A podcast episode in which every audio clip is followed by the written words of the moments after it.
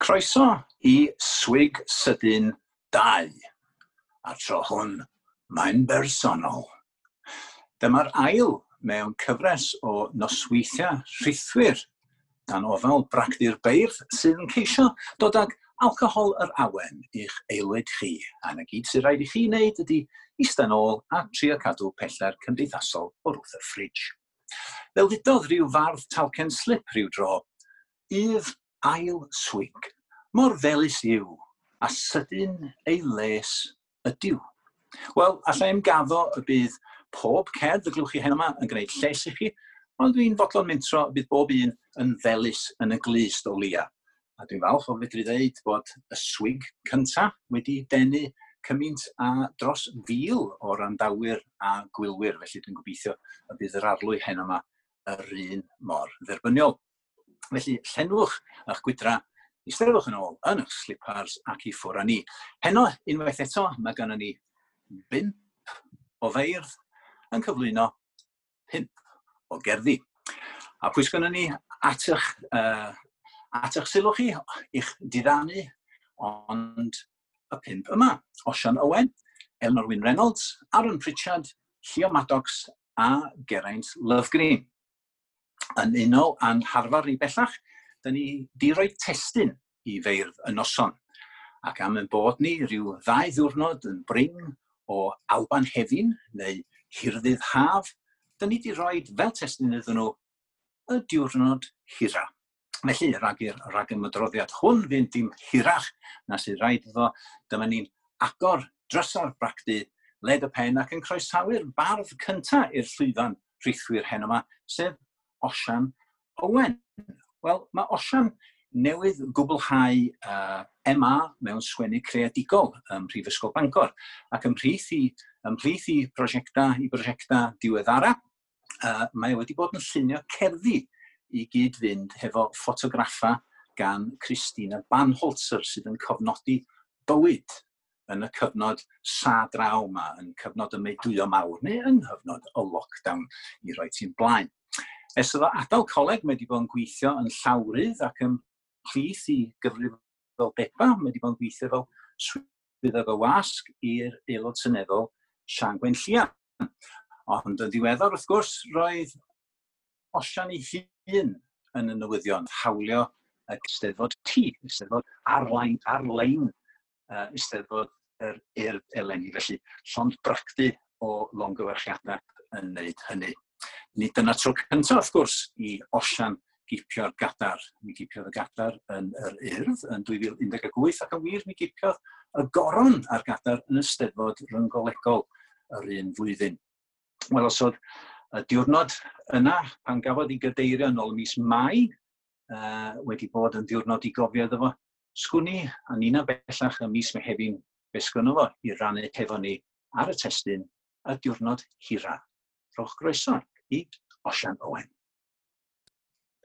Diolch i for. Ia, um, siŵr bod yn ydy, mae'r diwrnod hira ar y ffordd ac um, da ni gyd, dwi'n meddwl, yn disgwyl i weld beth fydd y datganiadau yn y dyddiau nesaf o ran Llywodraeth Cymru a'r beth yn digwydd o ran cyfyngiadau. Da ni'n gwybod yn um, Lloegr yn barod bod um, bod y Llywodraeth wedi caniatau i bobl fynd i fanna o brydferthwch naturiol a threitha, falle, felly diwrnod y mywyd ymwelydd ar traeth ydy'r ydy ngherdd i.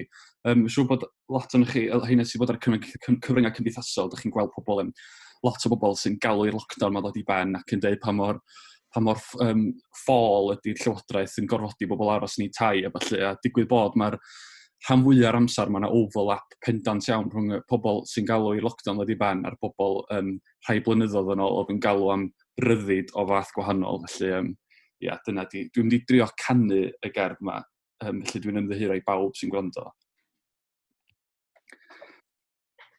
Ar lan y môr mae gamons cochion, ar lan y môr mae hilgwn gwynion, ar lan y môr mae Brexiteer, o Hartlepool a Lincolnshire. Ar lan y môr mae lliw hael doji, a phennau moel a dynion podi. A thatwn deud no surrender, a'i boliau fel White Cliffs of Dover. Ar lan y môr, gweithiennau gleision, ardal cendyn a gafodd ddigon. A rai o ffwr yn llenwi'r bysys, a'r bwyliaid rhemp yn dwy'n ein jobsys. Llawn yw'r traeth o rai sy'n tagu, ac mae wraig yn strygl a'i nadlu. But I do not give a shit, we survived the bloody blitz. Wedi dod yn ôl o'r traeth, tagu wraig sy'n mynd yn waith. Mae'n deud, do not worry darling, just go fetch your man a carling. Treulio'r nos yn damio'r teli, ar y snowflake lwn i lefti. ond mae wraig o yn gweithygu, mae'n rhaid brysio i'r ysbyty. Wedi cyrraedd nôl o'r ornest, mae'n rhoi enfus yn ei ffenest, i'r doctoriaid ac i'r nyrsys, hwyliau tremp sy'n dwy'n ein jobsys. Diolch yn fawr iawn. Diolch yn fawr iawn Osian, o'r gadar i'r rhiban glas. Un o gerfyrddin ydy'n bar nesaf ni, sef Elen o Wyn Reynolds. Mae'n gweithio fel swyddog coeddiadau efo T. John Penry yn Abertawe, a mae newydd gyhoeddi casgliad o ddeg o gerddi o'r enw Dy Galon o Falus, hefo Rac Press yn Llanandras. Llynydd, wrth gwrs, mi gyhoeddodd i nofel wych gwirionedd ddath yn agos at gipio'r fedal ryddiaeth yn ystod Eisteddfod Caerdydd yn 2018. Os ydych chi wedi darllen i eto, mae'n o'ch gopi. Um, Rhydd i phrosiectau diweddara, mae wrthi'n golygu cyfrol o gerddi a rhyddiaeth uh, nadoligaeth, ac mae wedi cael comisiwn gan Eisteddfod Amgen i sgwennu stori fer i ddysgwyr. Heno, mae wedi sgwennu ar y testyn y diwrnod hira Dyma ei thro cyntaf hi ar uh, lwyfan y bracdu, felly rowch groeso mawr i Elin Owen Reynolds. Mae'r diwrnod hira yn digwydd tua hanner ffordd drwy'r flwyddyn. Um, wy wedi cyrraedd tua hanner ffordd drwy mywyd, um, wy'n hanner cant eleni. Ac uh, wy'n gwybod bod yna bobl eraill sydd yn hanner cant hefyd, um, ac felly dwi wedi sgrifennu cerdd i'r rhai hynny menywod um, sydd yn hanner cant eleni. Dyma chi. Fi a Jennifer Lopez. O'n i'n sgwrsio ddo a J-Lo dros wal y tŷ. Dim ond ni'n dwy, just hi a fi, hongian dillad ar y lein o'n ni. Dwy fenyw fabulous yn pego'r golch mas, cwbl o ddiwiesau cyffredin yn dal lan ar ganol wythnos, joio yn nisgleirdeb anogol y chwaeroliaeth. Chi'n gwybod fel mae hi? Erbyn heddi, Jenny, medde fi, Ni wedi cyrraedd rhywle, a nynne ar gopa'r hanner cant. Y fan, ble mae'r pell yn agos, a'r agos yn bell, bell bant. Mae'r ddwy ohono ni yn gwybod rai pethau, yn dyn ni. Achos ysgol ddrud yw ysgol brofiad, credwch ni, ac fe dalon ni ddigon am hynny yn yn tro, fi a Jenny. Yn awr, ni'n loaded yn cyfyd mewn sequence flash, yn diferu o bleng, achos hwn yw'r thing. I'm just, I'm just Ellie from the block. Ac mae La Lopez yn cytuno, yn nodio'i ffen yn frwd ac amenio, achos erbyn hyn, ni wedi hen feistroli carlamu ar asgwrn cefn bob dydd gwyn a'i ddofi. Gwichiant uchan i dorri a'i falu fel cowgirls yn rodio bonkers ein bywydau bronco yn hala'r byd i gyd yn honco. Ac ar y diwrnod hira hwn, Jenny, y busnes bod yn hanner cant eleni, yr heddi ma, si am bara byth. A lle gawn ni'n harllwys fel air tawdd, mewn i ffrogiau ffansi am hosib, yn ddwy golofn berffaith o ddifa. Ac fe allan ni fod mewn parti yn werthu'n am ben jocs yn gilydd sbon ni'n tagu, tasgu dagreg wben fel sirens ar greigiau. Beth amdani, Jenny? Efalle, godwn ni'r ffôn ar Naomi Campbell i weld os daw hi draw am spel, jyst i gael clonc, dyn ni, bisged a disgled low-key, a mi bod hithe hefyd yn fenyw o vintage penodol. Yn un sy'n gwybod ble mae'n mynd, a mi bod hi'n hollol ymwybodol o ble mae di dod. O, di, mae Naomi'n gwybod. Ti'n meddwl ddylai, Jenny? A fwy na thebyg, fi anfonwn i dextyn bach cheeky at Mariah Carey yn ei gwahodd hi ymuno dan ni, achos smodd fi'n becso dam am ddim. Sdim affliw ots da mi mi. Os mwy, mae cwmni da yw Catherine Zita, cofia. Mae hi'n sbarcen reit i wala. Jennifer fach, cred fi, pan gwrddwn ni'n gryw glam dan gilydd, gawn ni suddo faint fyno ni o swigod champagne, achos hwn yw'n diwrnod hira ni. Ewn ni byth yn rhy hen. Ac yma fe safon, droedfeddi uwch y byd ar sodle amhosib. Mestyn fel neilon, tasgu fel spanks, denu fel lwrex. Yn dallu pawb da llond pen o ddanedd diamwnt, i golen seithi siarser a thi hwnt. A bydd Naomi, Mariah a Catherine Zita, bob un yn ei tro, yn dalan llygad ni Jenny a gwenu maen nhw'n gwybod. Achos fe ddywedodd i mame wrthyn nhw. Bod hi'n fabulous, bod yn 50. Ni sy'n berchen ar bob stafell. Os arno ni ddim i neb, ni'n ddoeth fel hen ddihareb ond mor sassy a Las Vegas, llawn lip gloss a sachet bootylicious. Ew popeth arall i stop syfrdan. Fel yn y ffilms. Wel, ni yw ni wedi'r cyfan. Ysdim gorwel, sdim diwedd, sdim nod i'w atal, na nenfod i'w chwalu. Dim machlu terfynol ingol i'w ryfeddu. Fi a Jennifer Lopez yn syllu dros y gwych Ac ar ddwrnod hiran bywydau, ni'n wych. La Lopez, ti'n total lodes, yn ddiwies. Mae fel edrych yn y drych. Diolch yn fawr, Elin Owen, a Thenblwydd hapus pan ddaw. Da ni am aros yn Sir Gar ar gyfer ein barn nesaf ni rwan, sef Aron Pritchard. Mae Aron yn hannu o gymwyl elfed, ond mae'n byw bellach yng Nghaerdydd, lle mae o'n gweithio fel cyfieithydd.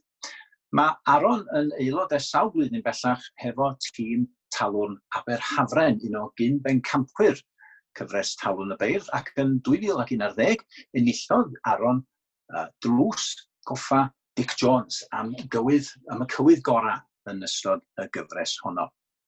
Tydi Aron ddim wedi bod yn segur yn ystod y cyfnod diweddar yma. Mae wedi bod yn cynnal uh, dosbarthiadau cymuneddu ar-lein. Mae wedi bod yn beirniadu cystadlaethau barddoniaeth ar-lein i Fenter Morganog.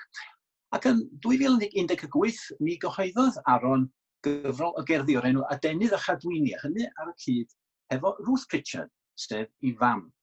Cyfrol hyfryd iawn, syniad hyfryd iawn, ac yn fod i gyfuno dwy arddull ddigon cyferbyniol uh, cerddi rydd i fam efo cerddi caeth Aron.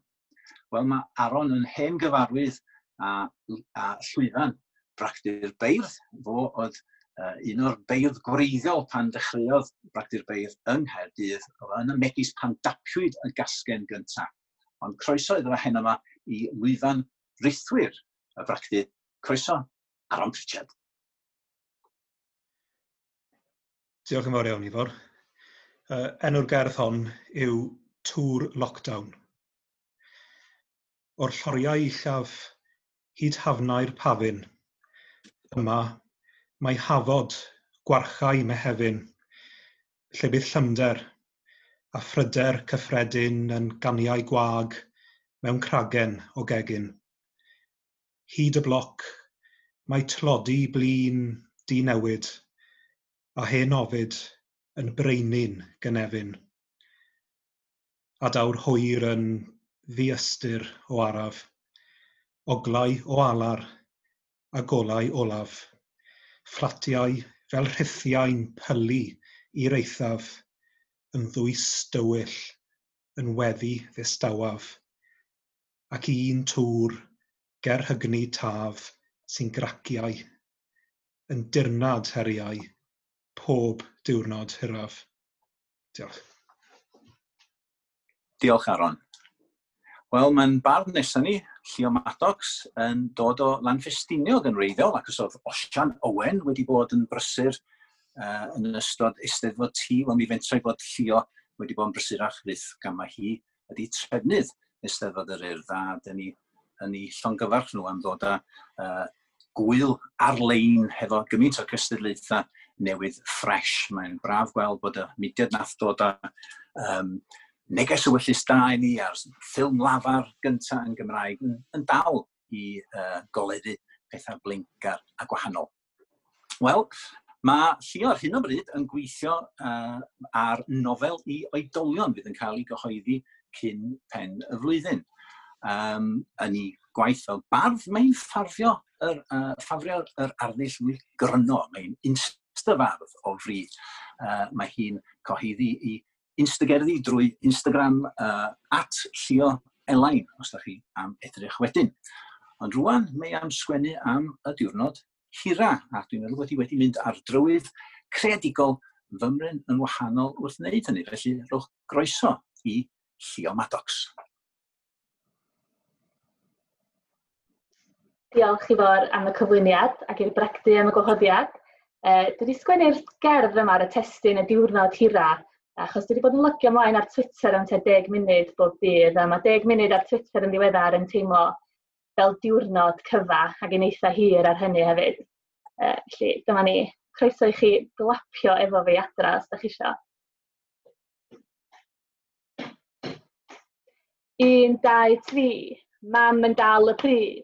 Pwy sy'n eisiau chwarae efo fi? dacw mam yn dŵad ar ben y gamfa wen, rhywbeth yn ei ffetog a phisar am ei ffen, y fywch yn y beidi yn brefi am y llo, a bois wrth y border yn deud tro nôl. Dydw i ddim yn racist, dydw i ddim go iawn, dwi jyst yn meddwl bod y wlad ma'n llawn o bobl sy'n methu ffeindio gwaith anywhere, so pam dylan ni gael mwy o fewn didwyr sy'n jyst yn mynd i ffyndio ar NHS? Be maen nhw rioed i wneud i ni? un, dau, tri, mam yn dal y pi, dwi'n mynd i'r toilet, dwi eisiau pi, pi. Er mwyn cael toiletau saff ei naws, da ni wedi banio merched traws. Pen, ysgwydda coesa, traed, coesa, rhaid i fi stopio chdi'n fanna. Cyn i chi ddefnyddio'r ar toiledu, da ni am inspectio genitals chi. Policy newydd, so allan â nhw. Coc neu vagina, coc, vagina, open wide, open wide, mae'r ffarmwr isio graig, mae'r ffarmwr isio graig, hei ho di hei di ho, mae'r ffarmwr isio wybod bod o'n boi iawn, actually. A mae o'n offended bod chdi wedi dweud bod dynion yn shit. Gella mae chdi sy'n sexist, hashtag not all men, hei ho di hei di ho, mae'r wraig isio just llai o dick pics, please. Ond, o'ch ti'n gallu deud bod i isio nhw, really. Yy, fiwch yn y beidi yn brefi am y llo, a'r llo ochr arall yn chwarae Jim Crow. Dydy geiriau gan na ddim yn PC, ond dwi'm am ymddiheuro os wyt ti'n teimlo'n gyffyrddus, achos mae'n rhan o'n traddodiad ni. Dwi'n mynd i newid traddodiad, jyst achos bod yna rei bobl yn offended. Jim Crow, Kristen, one, a two, a four, seriously, stopia. Mae'n swnio mor ddrwg. Oh my god. Ti'n galw fi'n racist? Hei pawb, mae hi newid alw fi'n racist. Ti'n trio deud bod pawb sy'n canu dacw mam yn dŵad yn racist, wyt? Mae hynna'n gymaint o sweeping statement. Ella mae chdi sy'n racist yn erbyn bobl sy'n canu dacw mam yn dŵad ar ben y ganfa wen. Pryd ddaw y Twitter rant i ben. 1, 2, 3. Mam yn dal y pryd. Wyt ti eisiau chwarae efo fi? Diolch. Diolch yn fawr, Llio. Amserol iawn. Wel, mae'n bryd i ni droi at yn bardd ola ni, ac mae'n hyfrydwch croesawu Geraint Lyfgrin. Fel Aaron Pritchard, uh, mae Geraint yn y gorffennol wedi cyhoeddi casgliad o gerddi ar y cyd efo un o aelodau i deulu yn achos Geraint, cerddi'r tad a'r mab yng nghyfraith ar y cyd efo'r diweddar anwyl Gwyn Erfil Wel, mae Geraint wrth gwrs yn gapten ar dîm Talwn Cynarfon ac wedi arwain uh, tîm Cynarfon i fuddugolaeth yn y rhwng derfynol cyn hyn. Ond dwi'n siŵr hyn yma, sa well gen Geraint petaio uh, ar y wyren yn y nelu nôl o Bacw i Rufain uh, wedi gweld Cymru yn dechrau symud i gyfeiriad y rownd derfynol yn yr Euros, ond mawr o beithio gael ni rhannu'r profiad yna y flwyddyn nesaf. Mae um, Geraint, wrth gwrs, nid yn unig yn fardd mae hefyd yn adnabyddus fel cerddor a chyfansoddwr. Uh, yn ei gerddi a'i gynnion fel ei gilydd, mae gynno fo'r ddawn i uh, harnisio uh, geiriau crafog weithiau a soriol o bryd i'w gilydd er mwyn rhoi pin mewn swigan, ond hefyd gynno fo'r ddawn i fynegu i hun yn gynnil ac yn deimladwy. Yn ôl y wefan sain, maen nhw'n dweud fod Geraint yn dal i fynd pan fo uh, pawb arall wedi rhoi i traed i fyny. Felly dyma dyn perffaith wrth i ni dynnu at ddiwedd ein diwrnod hira ni yma ar Fracdi'r Beirdd. Dyma dyn i mynd â ni i'r pen. Felly roch groeso mawr i Geraint Lofgrin. Diolch i fawr. Wel, y cais gawson ni oedd i sgwennu can um, y diwrnod hira.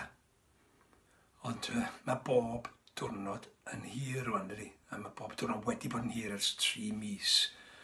Felly, uh, dyma lle da ni.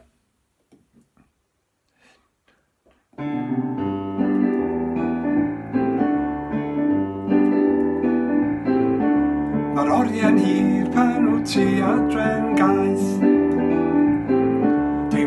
fod i'n cwmni, mond fi ar botelaeth. Dwi di trio cyfarfodydd Zoom, ond does na ddim byd gwaith. Mae'r orie'n hir mewn gyfnod mor ddichwaith. Dwi di darllen bob llyfr a gwylio bob ffilm, does na'n byd ar ôl. A'i wylio ar euros nes medra i adrodd sylwebaeth bob un gol. Mae'n wallt i'n hir, dwi'n dechrau tyfu barf. Dio ddim yn hyll ond eto, dio ma'n hardd.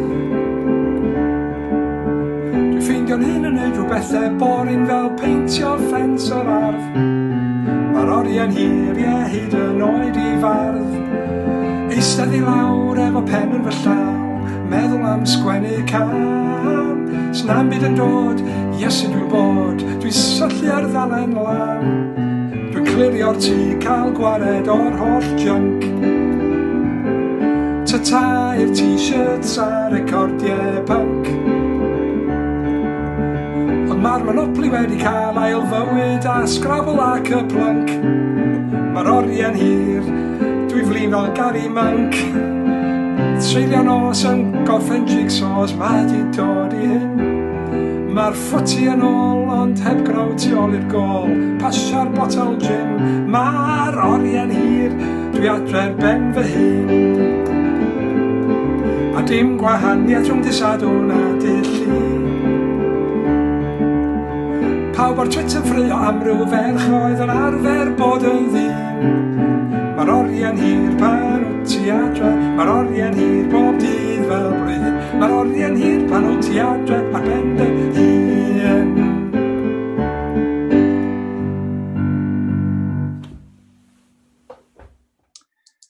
Diolch yn fawr iawn, Geraint, Clo, hyfryd iawn i'r noson. A gael diolch felly yn ogystal i Osian Owen, i Elen Owen Reynolds, i Aaron Pritchard, Llio Maddox ac wrth gwrs Geraint Lyfgrin am eu cyfraniad heno yma. Gai ddiolch hefyd i'r tri sydd wedi bod wrthi yn ddiwyd yn y cymdir, uh, Osian Rhys Jones, Llyr Gwyn Lewis a Rhys Iorwerth er mwyn edrych siŵr bod y uh, swig sydyn yma yn eich cyrraedd chi. Mi fydd yna swig sydyn arall o fracdu'r beir mis nesaf, mis gorffennaf y tro hwn, mewn cydweithrediad a gwyl arall manylion i ddilyn yn ddian. Felly, yn y cyfamsar, byddwch gwych, cadwch yn iach ac cofiwch, ail godwn yn amgenach. Nostawch.